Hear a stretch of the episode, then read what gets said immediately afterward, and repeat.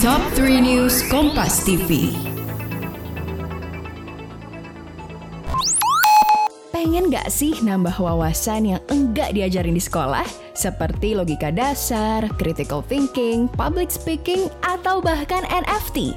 Kuy, dengerin podcast obsesif yang akan membahas seputar pengembangan diri dan soft skills khusus buat kamu. Persembahan Media Podcast Network by KG Media. Hanya di Spotify.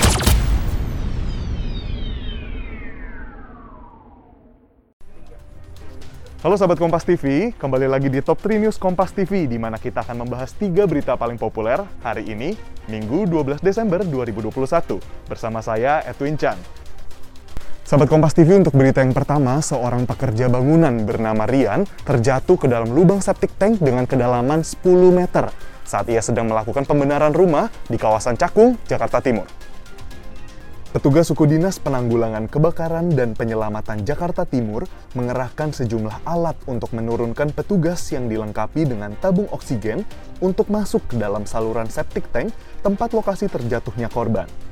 Keterangan sejumlah rekan kerja korban menyebutkan Rian terjatuh ke dalam lubang septic tank saat lantai yang diinjaknya ambles.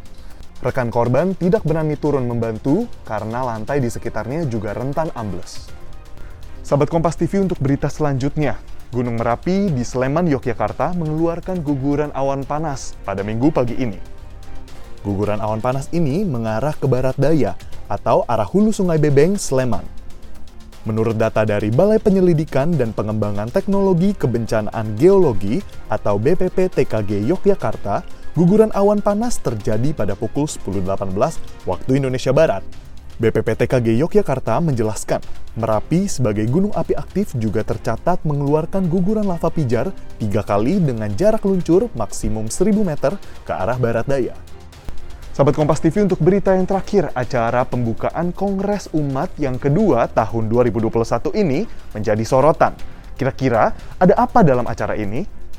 Wakil Ketua MUI Anwar Abbas dalam pidatonya menyampaikan kritik terbuka kepada Presiden Joko Widodo yang juga hadir dalam acara tersebut. Kritik yang disampaikan oleh Anwar Abbas langsung dijawab oleh Presiden Joko Widodo. Saat mendapat kesempatan untuk berpidato, Jokowi menjawab kritik soal kepemilikan lahan yang menurutnya tidak salah. Ia menyoroti pemerintah saat ini tengah melakukan reformasi agraria untuk membagi 12 juta hektar lahan yang terlantar.